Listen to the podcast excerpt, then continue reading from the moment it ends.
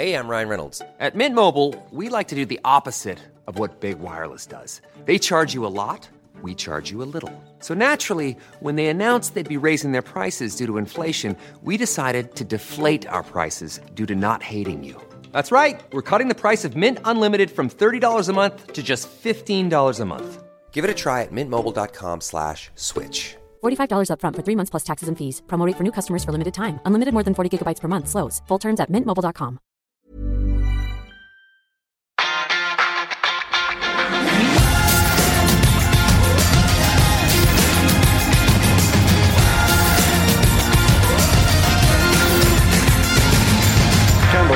by the hell. Hvem skrudde på bryteren? Ten Hag sendte Rashford, Martial og journalistene på gangen, og plutselig så ser Manchester United ut som et skikkelig fotballag. Vi er tre poeng bak City. Tenk det, Christian. Ja, tenk det. det hadde gitt gode odds for et par uker siden. Føles ikke helt sann, må det være lov å si. Nei, og vi skal vel være litt forsiktige òg. Ja, for det er, det er en del å plukke på. Velkommen til dagens eh, debutant. Eh, Vi kjenner deg godt, Mikael, for du eh, har vært i United.no-redaksjonen en stund, men du har ikke vært i studio, så velkommen. Takk for det. Glede å få endelig bli med her. Ja, dette er jo en deilig episode å, å debutere i. Du var i hvert fall meget, eh, en meget letta mann eh, når jeg møtte deg på kontoret i dag. Jeg var det. Det var en stor kveld i går. Uh, ja. Det var et lettelsesbrøl som gikk ut eh, over stua i går kveld da dommeren blåste av. og Deilig tre poeng, rett og slett. Enkelt og greit. Um, det har jo vært en spesiell uke uh, for Erik Den Haag. Uh, det har vært rapporter om misnøye. Eh, han skal ha mista garderoben, ifølge enkelte medier. eh, og det endte med at eh, Ten Hag, i samarbeid med med medieavdelinga i Manchester United utestengte en del journalister. Og så er det en litt sånn ekkel match der mot Pochettino. Eh, Det var jo disse to kandidatene det sto mellom eh, da United skulle ansette sin neste prosjekt, eller sin neste arkitekt. Og så leverer de vel egentlig sesongens match, eh, Christian. Sånn, ja, I hvert fall fra A til Å. Så dette er jo Ten Hags store seier, først og fremst. Ja, det at eh, de vant i går for hans del, det var, det var ikke et være eller ikke være, men eh, du verden for en viktig seier. Altså det du er inne på, hvordan den uka der har vært. Hele nå, hele noe momentumet, hele narrativet rundt klubben. Eh, leste The Guardian etter kampen, det pleier jeg å gjøre, for der skriver de mye bra. Jonathan Liu han skriver mye fornuftig. Han skriver 'The beast must eat'. Og det synes jeg oppsummerer veldig godt hvordan dynamikken rundt Manchester United er. Dette er et monster som hele tida må ha ny næring, fordi det monsteret er det største i fotball-England. Det er det som skaper eh, flest klikk. Det er den største pengemaskinen. Det er mest interesse rundt det. Eh, Og da kommer det hele tiden til å bli blåst opp når det er bra, og når det er dårlig, og når det er noe midt imellom. Eh, Og så er det ingen røyk uten ild, heller ikke i det tilfellet her, altså. Og Old Trafford mobiliserte også, eh, så Red Army-grupperinga som holder til over spillertunnelen, de eh, hadde sendt ut en melding i forkant av matchen. Eh, I dag skal vi vise eh, Ten Hag og Manchester United eh, hvordan det er å gi alt. Um, og i hvert fall etter match så gikk jo eh, Ten Hags Red and White Army når nederlenderen går inn i eh, garderoben der. og det var jo en, litt av en match, Mikael, og det, det ender jo for så vidt bare 2-1. Det her skulle jo vært 5-1 i hvert fall. Um, men det er lett å la seg overbevise av de 90 minuttene der. Det er det. Det var vel uh, Statsa sier vel en XG på over fire, nest høyeste i Premier League denne sesongen. Og 2,78 eh, var XG i, i første omgang. Det er høyest i Premier League denne sesongen her. Nei, så det var jo Vi går jo opp til 1-0 der, og så kjenner man på at uh, det, her, det her bør bli 2-0. Hvis ikke så kommer fort 1-1 i sekken der. Og det skjer jo etter hvert sånn plutselig. Uh, Veit ikke helt hva som skjer, ja, men det åpner seg jo på midtbanen, og så får eh, Palmer eh, styrt den ned i hjørnet. Men eh, så klarer vi også i andre omgang da, å sette et press på Chelsea og det blir jo Altså, det er ikke noe tvil om at det er fortjent at vi vinner 2-1, men samtidig så Ja, le kampen lever helt inn. Ja. Eh, spørsmål fra Erik, som jeg har kalt Emil i podkasten her før. Beklager det, Erik. Eh, kudos til Ten Hag for hvordan han håndterte kampen og presset. Absolutt. Uh, McTominay sa at uh, dette var managerens uh, fortjeneste, eller, eller, noe sånt noe. Og McTominay han er en veldig lojal kar, men det ligger ganske mye der, altså. Jeg mm. syns han, han, fortjener god hyllest denne gangen for de valgene han gjorde, og så skrives historien av vinnerne, og i går så gjorde han de rette valgene. Det kunne blitt 2-2 òg, ja det kunne blitt uh, 3, men det kunne blitt 2-2 for Chelsea. Jeg har noen uh, svære sjanser, så det er uh, Jeg sitter fortsatt med en sånn følelse av at ja, her er det mye bra, men dette gjør meg ikke overbevist, Nei. egentlig. Hva er det som ikke gjør deg overbevist, Christian? Først og fremst defensiv organisering. Jeg syns vi fortsatt er et utrolig åpent lag. Mm. Men vi, vi, det er mye bra i går, så vi kan, godt, vi kan godt begynne med det. Og så kan jeg heller ta det som jeg syns er, er dårlig etterpå. La oss gjøre det, og så får du minne meg på det hvis vi eh, lar oss uh, Hvis vi går litt i huet på oss her. Men uh, ok, la oss begynne med La oss begynne med mannen som blir matchvinner, da. Scott McDominay. Uniteds toppskårer med, med seks mål. Har nå, hvis man skal regne litt på det tatt 13 poeng for United den sesongen her. United hadde vært på 13. plass uten McDominays skåringer, Mikael. Ja, Det er jo helt rått hvordan han leverer. Når vi ikke har angrepsspillere som klarer å levere foran mål, så dukker McTomney opp gang på gang, og han kunne jo ha både satt tre og fire uh, mål i går, så nei. Det, det, er helt nydelig å ha han, uh, ha han på laget når vi ikke har angrepsspillere som uh, klarer å, sette ballen i mål. Spilte jo spiss i sine yngre dager på juniorlaget, og det er kanskje det vi ser litt av. Men det vi først og fremst ser, Christian, det er jo disse løpene han har inn i boks. Eh, og det har vi ikke sett så mye av før, eh, men det fungerte i hvert fall mot, eh, mot Chelsea. Eh, ja, det gjorde det, og det er jo noe som eh, Tenag bevisst har eh, gjort. Han har skjøvet han lenger fram i banen, så skal vi se om dagene som defensiv midtbanespiller er over. Kanskje det er bra, for han Det, det har blitt sagt positive ting om pasningsfoten hans, at den er bedre enn det han får kred for, men det vi har sett på det øverste nivået, det er at den holder ikke mål. Mm. Så da må man jo bruke han til det han er god på, og det er jo bra. Han er god til å time de løpene inn i boksen, det veit vi er ekkelt. Det har vi sett så mange eksempler på opp gjennom åra, med Frank Lampard som den, den største eh, eksponenten for det. Så hvis McTominay kan etablere en sånn posisjon eh, i dette laget, og være den spilleren som ligger i de posisjonene som verken forsvarsspillere eller midtbanespillere klarer å plukke opp, siden han er en så god avslutter, for det er han jo, mm. så kommer det til å komme mange flere skåringer eh, fra hans. Det er kjempepositivt. Bare å dyrke videre. Så er det litt av en historie. Eh, var jo kobla til Bayern München i, i, sommer. McTominay var en av de brikkene som skulle bort. Fikk eh, sjansen, eh, skåra to mål på, på, overtid og har vært inne på, på laget siden. Eh, og mens vi forsøkte å finne denne midtbanebrikken og landa på Mount, som for så vidt ikke har spilt noen rolle, så så lassa jo Chelsea eh, pundsedler på bordet eh, til Brighton for å skaffe seg Moises Caicedo. Han havner jo helt i skyggen av, eh, ja, skal vi si, Mac-Amrabat-duoen til, til, Manchester United på Old Trafford, Michael. Ja, nei, Amrabat for en, for, for en kamp. Altså, det han leverer i går Han for min del så har han på en måte vært Jeg har tenkt at han er, han er ferdig etter sesongen. Han, eh, det er ikke noe vits, på en måte. Han uh, ser treig ut. Ikke noe poeng å signere den, i hvert fall. Ikke noe poeng å signere han. Han uh, har sett treig ut, og han ser ikke, ikke, han ser ikke kvikk ut ennå, men uh, det han gjør i går, hvordan han gang på gang står opp, og hvordan han leser spillet og Uh, gjør på en måte spillerne foran seg bedre. Nei, det er enorm prestasjon av Amrabat i går, rett og slett. Mm. Viktig, viktig mann for at vi klarte å kjøre over Chelsea til tider.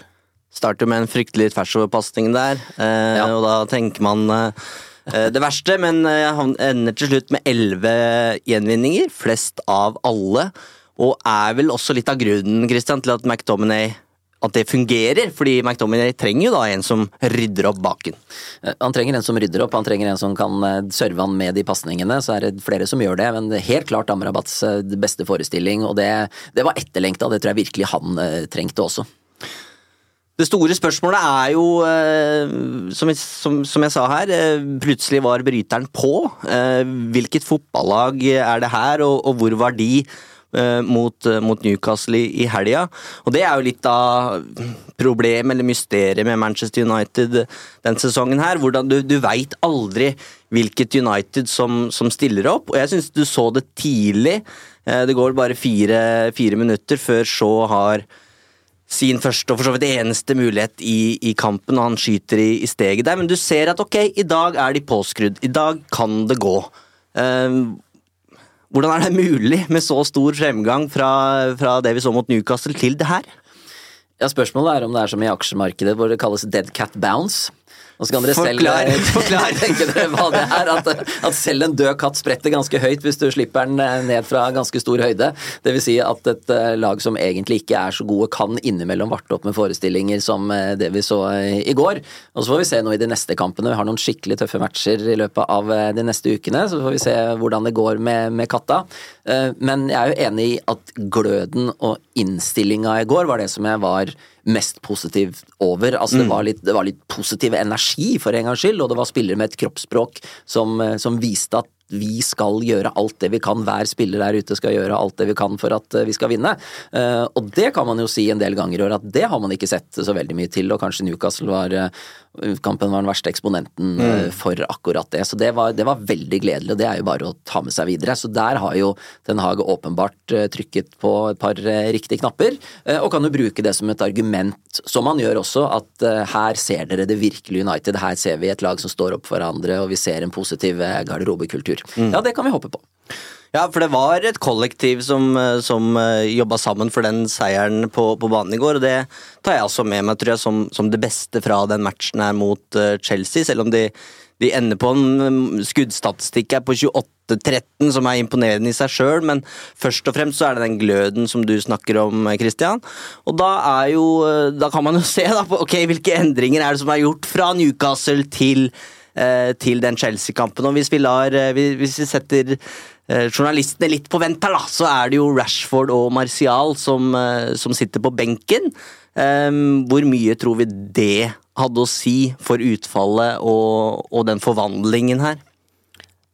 Nesten alt. Ja. Det, altså Høylund versus Martial på topp der. Det, den jobben Høylund legger ned, det, den er så viktig. og ja, Det er kjedelig. Han var fortsatt, altså, vel fortsatt uten nettkjenning i Premier League. Men uh, den innsatsen, den Han får eh, resten av laget med seg fram. og Vi ser jo hvordan United står opp gang på gang. og han Keeperen til Chelsea gang på gang spiller ballen ut i farlig område på uh, Chelseas egen banehalvdel. Så Nei, Høylund versus Martial, det, det er så stor forskjell at uh, Nei, jeg vet ikke hva jeg skal si engang. Hva tenkte du eh, på lørdag, Christian, når du så kroppsspråket til Marcus Rashford? Eh, Da tenkte jeg at Apropos uh, dead cat bouncing. ja, der var det ikke mye bounce. Uh, nei, da tenkte jeg at eh, dette er en spiller som eh, ikke har det helt bra. Dette er et menneske som ikke har det helt bra. Eh, ikke for å prate i for store bokstaver, men når man går fra den sesongen som man hadde i fjor, på alle mulige måter til den sesongen som man har i år, så er det jo Det må jo være åpenbart at eh, her har det skjedd et eller annet eh, med hele fyren. Eh, og så kommer Rashford tilbake, eh, men han jeg håper at vi får se så lite som mulig til, eh, det er Martial, altså. Altså det er han, han kommer til å framstå, rettferdig rettferdig urettferdig, som et stort, grelt eksempel på hvordan United har vært styrt de siste ti årene. At han har 300 pluss kamper for Manchester United, det, det, det burde faktisk ikke være mulig. Eh, og hvis det er riktig at eh, han er eh, favorittspilleren til, til er Joel Glazer, at det er det på en måte som er et av argumentene for at han fortsatt er der, så forteller det alt om hvordan klubben drives. Men det blir en enorm forskjell, og så blir den veldig tydelig, og den blir kanskje litt urettferdig, og så er det ingen av oss som er inne i hodet til Martial og kan fortelle hvordan følelsen egentlig er når han spiller fotballkamper, men vi kan jo bare konstatere det vi ser med egne øyne.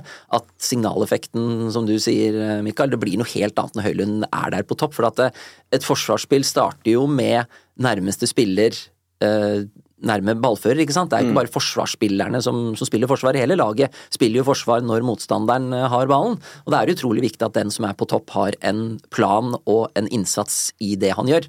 Og det har jo Høylund. Og så begynner jeg å synes litt synd på han. For jeg, syns også at man kanskje merker at han er Gå litt inn på han at han ikke har gjort mål eh, nå i, i Premier League. Altså det, det, kommer, eh, og det kommer til å bli en, en veldig hyggelig dag for han og en stor lettelse. Han må jo være prega nå, eh, tenker jeg. Ja. Eh, og Vi har fått spørsmål om det fra Bjørn Tore. Er det på tide å bli litt bekymra? Eh, null målpoeng på elleve matcher. Og det er jo jobben til en spiss. Det er å skåre mål. Hørte Premier League-podkasten til Viaplay her om dagen, og da ble Høylund Han var nominert til årets verste kjøp i Premier League. Av hvem da? Uh, nei, altså Viaplay-panelet. Uh, det var vel uh, Toft og Vikestad som, uh, som samarbeida om den. Um, God bedring. Syns dere det? Er dere enig i det? Høres, høres ikke helt sånn ut, Kristian. Nei, altså det, det, jeg skjønner ikke hvor den vurderinga der kommer fra. alle har sin mening, men de som ser hvor mye han betyr for laget, og de som ser hva han har gjort i Champions League. Og så er fotball et spill bestående av en haug av tilfeldigheter. Du kan ikke kalle toppskåreren i Champions League for årets bomkjøp. Altså, det blir for dumt. Mm. Det var det første jeg tenkte også, at her vil eh, 95% av United-supportere reagere fordi vi ser det med et litt annet eh, syn, hvilken rolle han har spilt for laget. Du var inne på det, på det Mikael, men eh, med tanke på den situasjonen United er i, så, så er han nødt til å score i Premier League snart. Vi nærmer oss litt sånn uh, Forlan-aktig uh, press her. Ja, det gjør man, uh, og den skåringa kommer. Den gjør det. Jeg skal ikke sitte her og, og love når, men vi har en bortekamp om ikke så altfor lenge hvor det hadde passa veldig bra. Your job is to tell the truth. That's your job.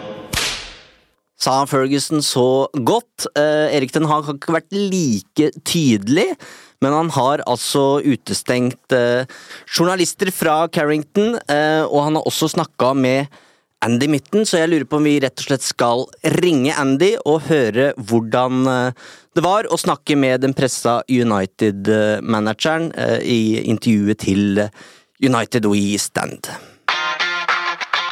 Morning, Andy. Um, Eric Ten Hag is now feeling the weight of being the manager at Manchester United.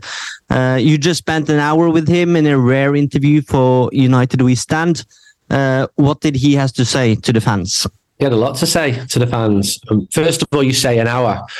What a privilege to have an hour because you know, you're a journalist. If, if I would have got 20 minutes with him, it would have still been worth doing. What I wanted to do was to get Eric talking to get him relaxed, to get him to open up, not to get him to be how I see him in press conferences, which is defensive, which is afraid of being caught out of questions. So I started asking him about him, and yet I was told beforehand he just doesn't really talk about anything but football. Okay, then Eric, tell me about being a football fan. He told me some great stuff about being chased as a 14 year old, about glass shattering on the bus he was on because the away fans attacked it. He kept saying, I was running for my life, running for my life. It sounded fantastic. Reckons he's been a Man United fan since he's been five. Five! I said five. He said, okay, maybe six. Go on, explain your way out of this one. And he tells a wonderful story about how he was a big 20 fan because he's from close to Enschede, but you were always allowed a second team and it was usually an English team. And he was United, and his best friend, who's now become a big journalist, was a Liverpool fan. And they would argue United and Liverpool. And he said, We fight, fight, fight.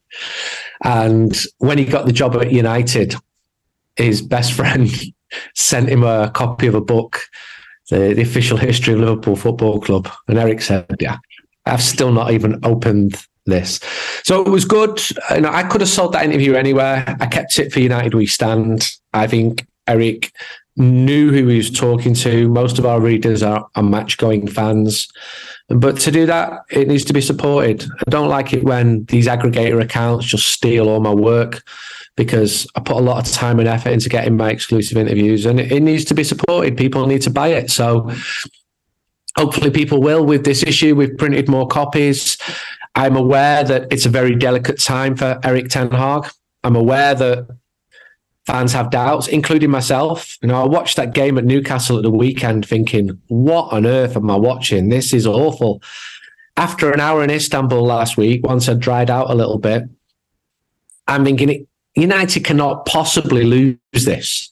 3 1 up, scoring great goals, playing so well. And then Galatasaray got back into the game. So it's a delicate time for him. You've seen the reaction between him and some of the media. But I tweeted a couple of days ago that I came out of the interview with him feeling that I don't want him to be sacked. And that's my my opinion. And I was astonished how many people felt the same way. But equally, if you don't think he's the right man, you're allowed that opinion as well. But I think it's a very difficult job for any human at the moment, especially with the ownership, especially with um, the players who he's got there. And I don't want to go into a rinse and repeat cycle. I'm often very supportive for the managers. I didn't think Ole Gunnar Solskjaer should have been sacked. I understand why why he was losing five out of seven. That's that starts to get untenable. Jose Mourinho wanted to be sacked, so you can't really de- defend that. But I think managers should get two years to do the job, and I think Ten Hag deserves more time. Mm. So he did not come across as a beaten man. You were convinced by his desire to succeed at uh, at United. Yeah, good question. No, he didn't. No, he didn't. He wasn't moaning to me. And I spoke to other managers who say, Andy, off the record, bang, bang, bang, bang, bang. None of that. None of it. He said, I'm going to bring titles to this club. I just need time. I don't want excuses. I don't want excuses about injuries. My job is to find solutions to win football matches. I asked him about Jadon Sancho and the way he dealt with certain things. We didn't have to agree on everything. But no, the interview ends with him being extremely optimistic. And earlier on in it, he says something. He says, You might feel like you're in the clouds at the moment, but I, I can see the sunlight. You might not be able to see it, but I can see it. And it just took me back to 1990, when most Manchester United fans wanted Alex Ferguson sacked. They don't tell you that now. They say Fergie's great, Fergie's a legend. But I remember being on the street at that time, and most United fans wanted him sacked. Would that have been the wise thing to do? No. I'm not saying Eric Ten Hag will be the next Ferguson. I think it's almost impossible now competition is much richer, much tougher. You're up against clubs owned by sovereign state funds. Really, really difficult. But I think he did well last season. Not not super great, but I think he did well. And he's done badly this season. This season's been really, really disappointing. But as he said, I've got time to turn it around. And he's been missing so many players. He's been unable to put his strongest team out. And when his strongest team played last season, they beat Barcelona, two great games. They beat Manchester City. They won the League Cup final. He's got to get back to that point because I think United fans were completely having him then. There's been uh, reports about Ten Hag uh, losing the the the, uh, the dressing room, uh, and this week several journalists were banned by the club. Uh, what do you make of that, uh, Andy? I'm a journalist, so I don't ever think it's a good thing to to ban journalists. But I'm aware that most United fans think this decision is the correct one. Vast majority do. I'll give you an example. The club want journalists to check stories out with them. So earlier on this year, a good source came to me and said, Andy, I'm told that this person is leaving. And it's come from a family member. Okay. So I went to the club, said, I'm, I'm hearing this person is leaving. Okay, we've not heard that, but it might be true. We'll check it out. So they went to people, including Eric Ten Hag, and they came back I'm sorry, we know absolutely nothing about this. So my story, which I put to the club, was incorrect. Is a little bit embarrassing. but I didn't tell anyone. I didn't write the story because I checked the story out because that's what a journalist is supposed to do. If journalists don't check things out and check the facts out, then you end up with the type of news my mother consumes on Facebook, where her friends are just spreading rumors and no one's checking anywhere. And it's really dangerous for society. The club feel journalists should come to them and check stories out. But this doesn't happen in football, especially with all the transfer rubbish. You see speculative stories written all the time where agents want their players linked to Man United. So, do people go to Man United and say, "Yeah, I'm, I'm hearing that this um, player is being linked"? The club are never going to confirm that that's true. Equally, independent journalism is really, really important. So last week you had a story where some people had eaten chicken at Old Trafford and fallen ill afterwards. The club would never have put that story out. So it's for independent journalists to find out the stories and to check them out. And fans come to me and saying, What are you hearing? Well, do you want me to tell you what I'm hearing from from leaks? You know, you can't have it both ways. You can't say there can be no leaks and then say, What are you hearing? What's going on on the inside? Well, how on earth do you think I find out what's going on on the inside? So when I come to Norway and I do tell stories with lots of insight, it's because people are leaking the information to me. It happens at every football club in the world. I think the club just feel uh, that some of the stuff that's gone out there, especially around the manager, and I'm not on about this week, I'm on about a few weeks ago, where they said that the club were actively looking at replacing Ten Hag. They feel that is factually incorrect and they're trying to protect themselves. Their view would be if we create a siege mentality, the fans are going to be with us before they're with any journalists. And that's what's happening. And it's uh, it's a tricky situation. Thank you so much for your insight, Andy, and uh, Merry Christmas. Thank you. All the best to everybody in the Scandinavian Supporters Club. Uh, I just love United. Noe av det Andy sier her du biter deg merke i, Christian?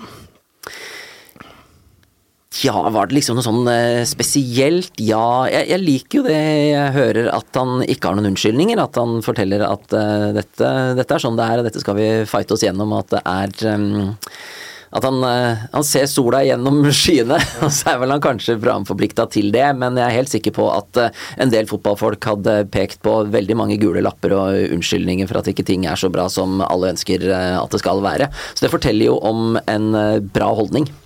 Og så er det jo mekanismer i spill her mellom pressen og fotballklubbene i England. Ja, eh, og de er spesielle, og de er jo annerledes enn det de er i Norge. I Norge så er det korte avstander, og det er mye lettere å få tak i, i mennesker. Og vi har jo selv prøvd å få tak i engelske fotballklubber opp gjennom årene, og det er ingen lett oppgave. Og så har de jo en annen relasjon eh, i England, men samtidig så det er, det er så mange kilder og det er så mye støy at klubben kan jo ikke drive og svare på alle spørsmål eh, som kommer, og da blir det jo lett til at eh, de bruker de mulighetene de har. Mm. De har sine kilder, og det er jo sant som det blir sagt, i hvert fall i de aller fleste tilfeller, at det er jo ikke sånn at journalister setter seg ned og skriver ting som er løgn. Eh, litt av utfordringa er hvor stor del av sannheten er det som kommer fram. Eh, og det jeg vil tro etter å ha jobba i den bransjen her i, i 25 år, det er at ja, det er flere som er misfornøyde. Og det er jo ikke rart, for det er jo mye å være misfornøyd med. Mm. Spørsmålet er, og det viktigste er jo hvilket nummer i troppen er det som kommer med disse opplysningene. Er det han som blir plukka ut på laget som nummer én hver eneste gang? Da har Ten Hag kjempetrøbbel. Men det er mer nærliggende å tro at dette er nummer 15, 16, 17, 18. Altså mm. de som ikke er gode, de som ikke spiller nok.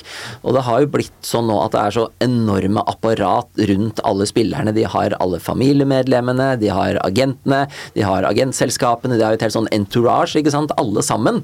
Og alle er ute etter å mele sin uh, egen kake. Så det er, det er, et vanskelig klima å, å navigere i. Eh, og så syns jeg jo, uten at man vet veldig mye om bakteppet, at det virker som en overreaksjon fra klubbens side.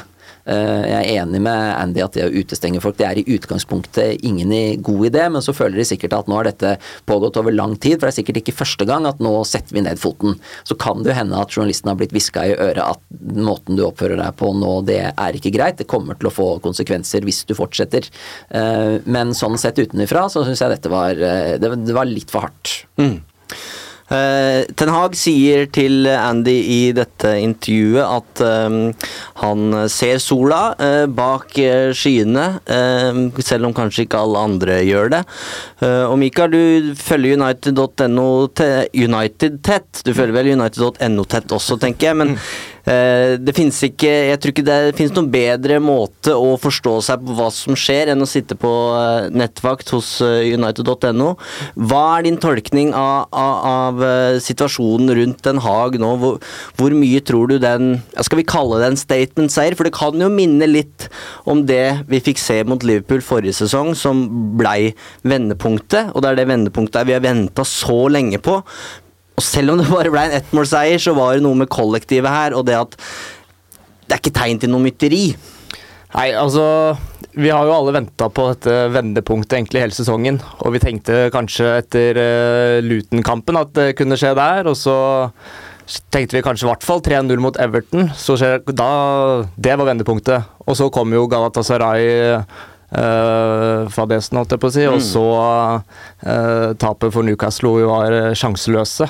Men det vi så mot Chelsea, det var jo et lag som presterte de, de var gode i begge omganger, og de, de, var bedre enn Chelsea ganske klart i to omganger, selv om, ja Chelsea de de fikk sine muligheter, og United eh, åpna De hadde mye rom bak seg til tider, men uh, det vi så mot Chelsea, nei, det var Man drømmer jo om da, at det skal være vendepunktet, det, men det føler vi på en måte Det det går ikke an å si nå. Nå kommer Bournemouth neste, og den skal vi jo vinne, i hvert fall Paul Trafford, selv om mm. Bournemouth er i god form. Uh, men så venter jo Bayern, og så Liverpool, og så uh, Westham og Aston Villa, så ja. Det virker som Den Hag eh, på sett og vis har isolert de tre hjemmekampene her. Snakka om at nå kommer det tre avgjørende eh, hjemmematcher som gir oss en mulighet til å eh, snu, snu vinden her. Og da er det one down, two to go. Og, og, den neste er Bournemouth, som jo er også et formlag i, i Premier League. Så er det Bayern München og kampen om ja, et mirakel i Champions League før, før de skal til Anfield, eh, Christian. Så spørsmålet er jo om det kan eh, om de kan uh, gjenskape det vi så mot Chelsea, også mot, uh, mot, Bournemouth.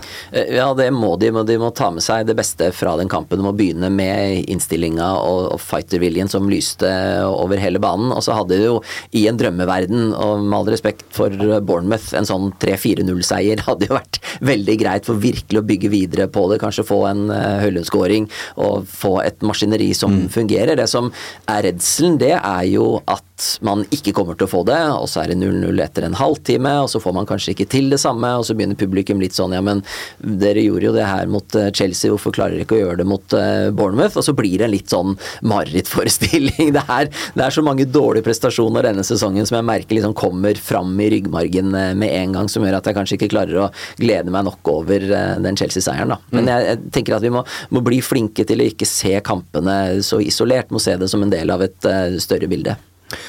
Kanskje bare Victor Lindeløv som uh, henger litt med huet i, i, dag etter den matchen i går. Uh, og uh, Marcus Rashford, for så vidt, som, som, kom inn, men vel ikke spilte seg inn på, på laget her. Stor avgjørelse som Ten Hag må ta inn mot helga der, Michael. Så får jo spørsmålet selvfølgelig hvorfor sitter Rashford og Martial på benken.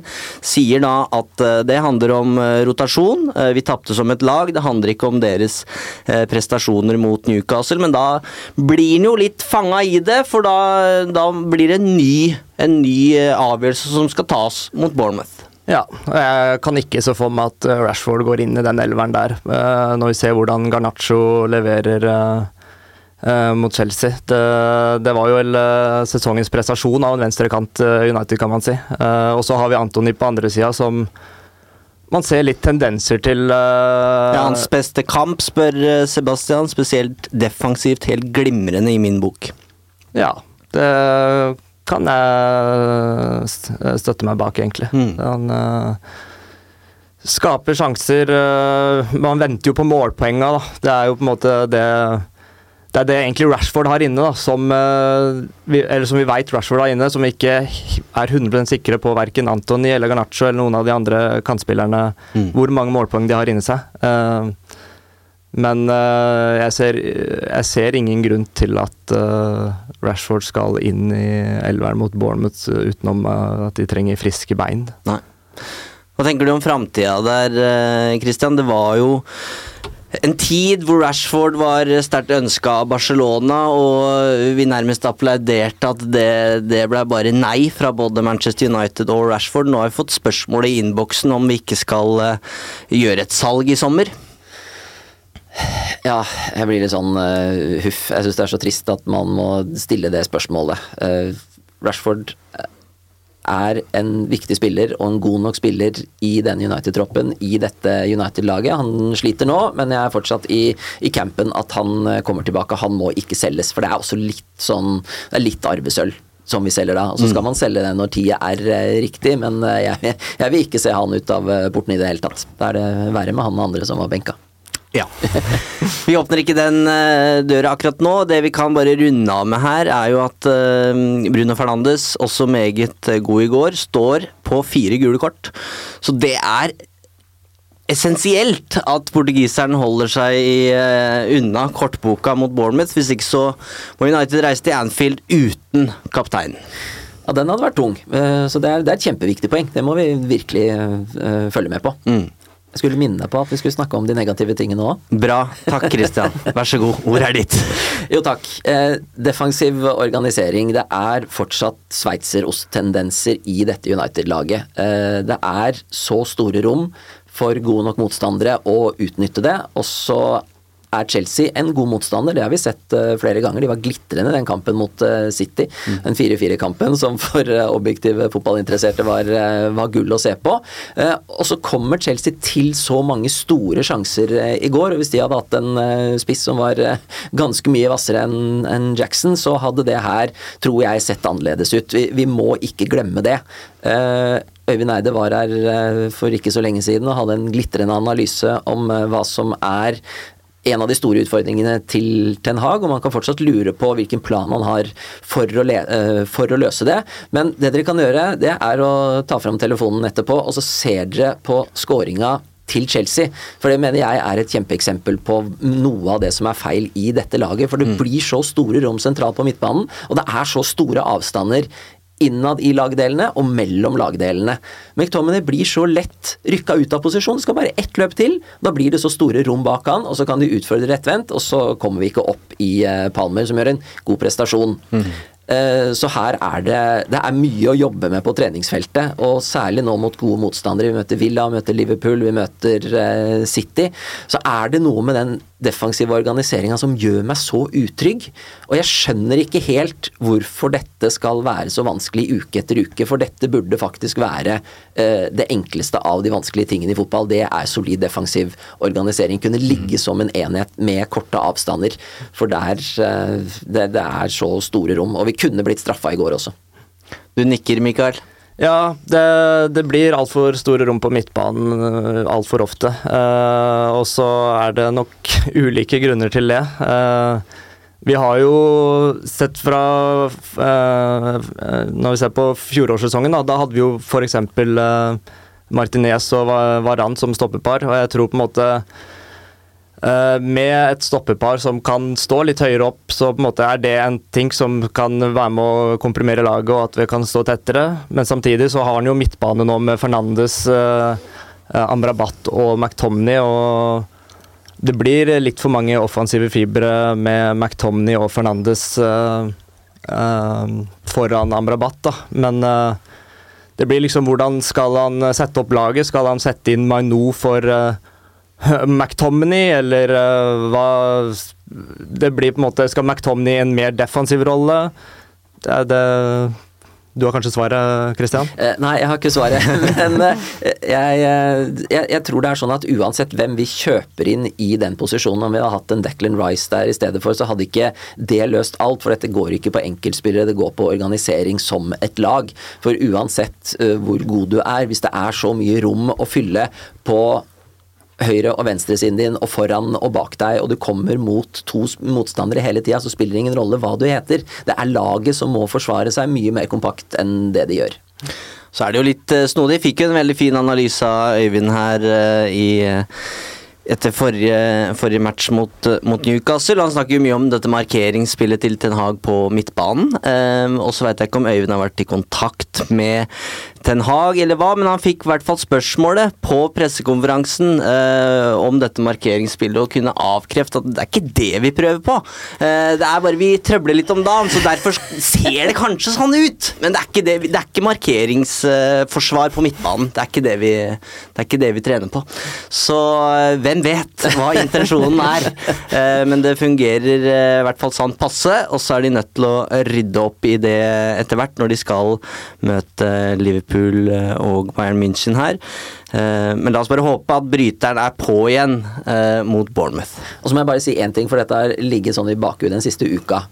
Og det er litt sånn left field, men det er ordet karisma. Ja. Jeg lurer på om Ajax-spillerne etter å ha slått Real Madrid 4-1 på bortebane i Champions League kom av banen og sa fy fader, dette var en god kamp, men han treneren vår han har litt lite karisma. Ja, det spørs. det spørs. Vi lar den henge. Eh, tar med oss eh, tre poeng og god opplevelse mot, eh, mot Chelsea. Eh, tusen takk for tålmodigheten, karer. Det håper ikke eh, det syns for dere som har hørt på, men det har vært ufattelig mye teknisk trøbbel her i dag, så selv om ting er på stell på Old Trafford, så har vi slitt litt i Uno-studio.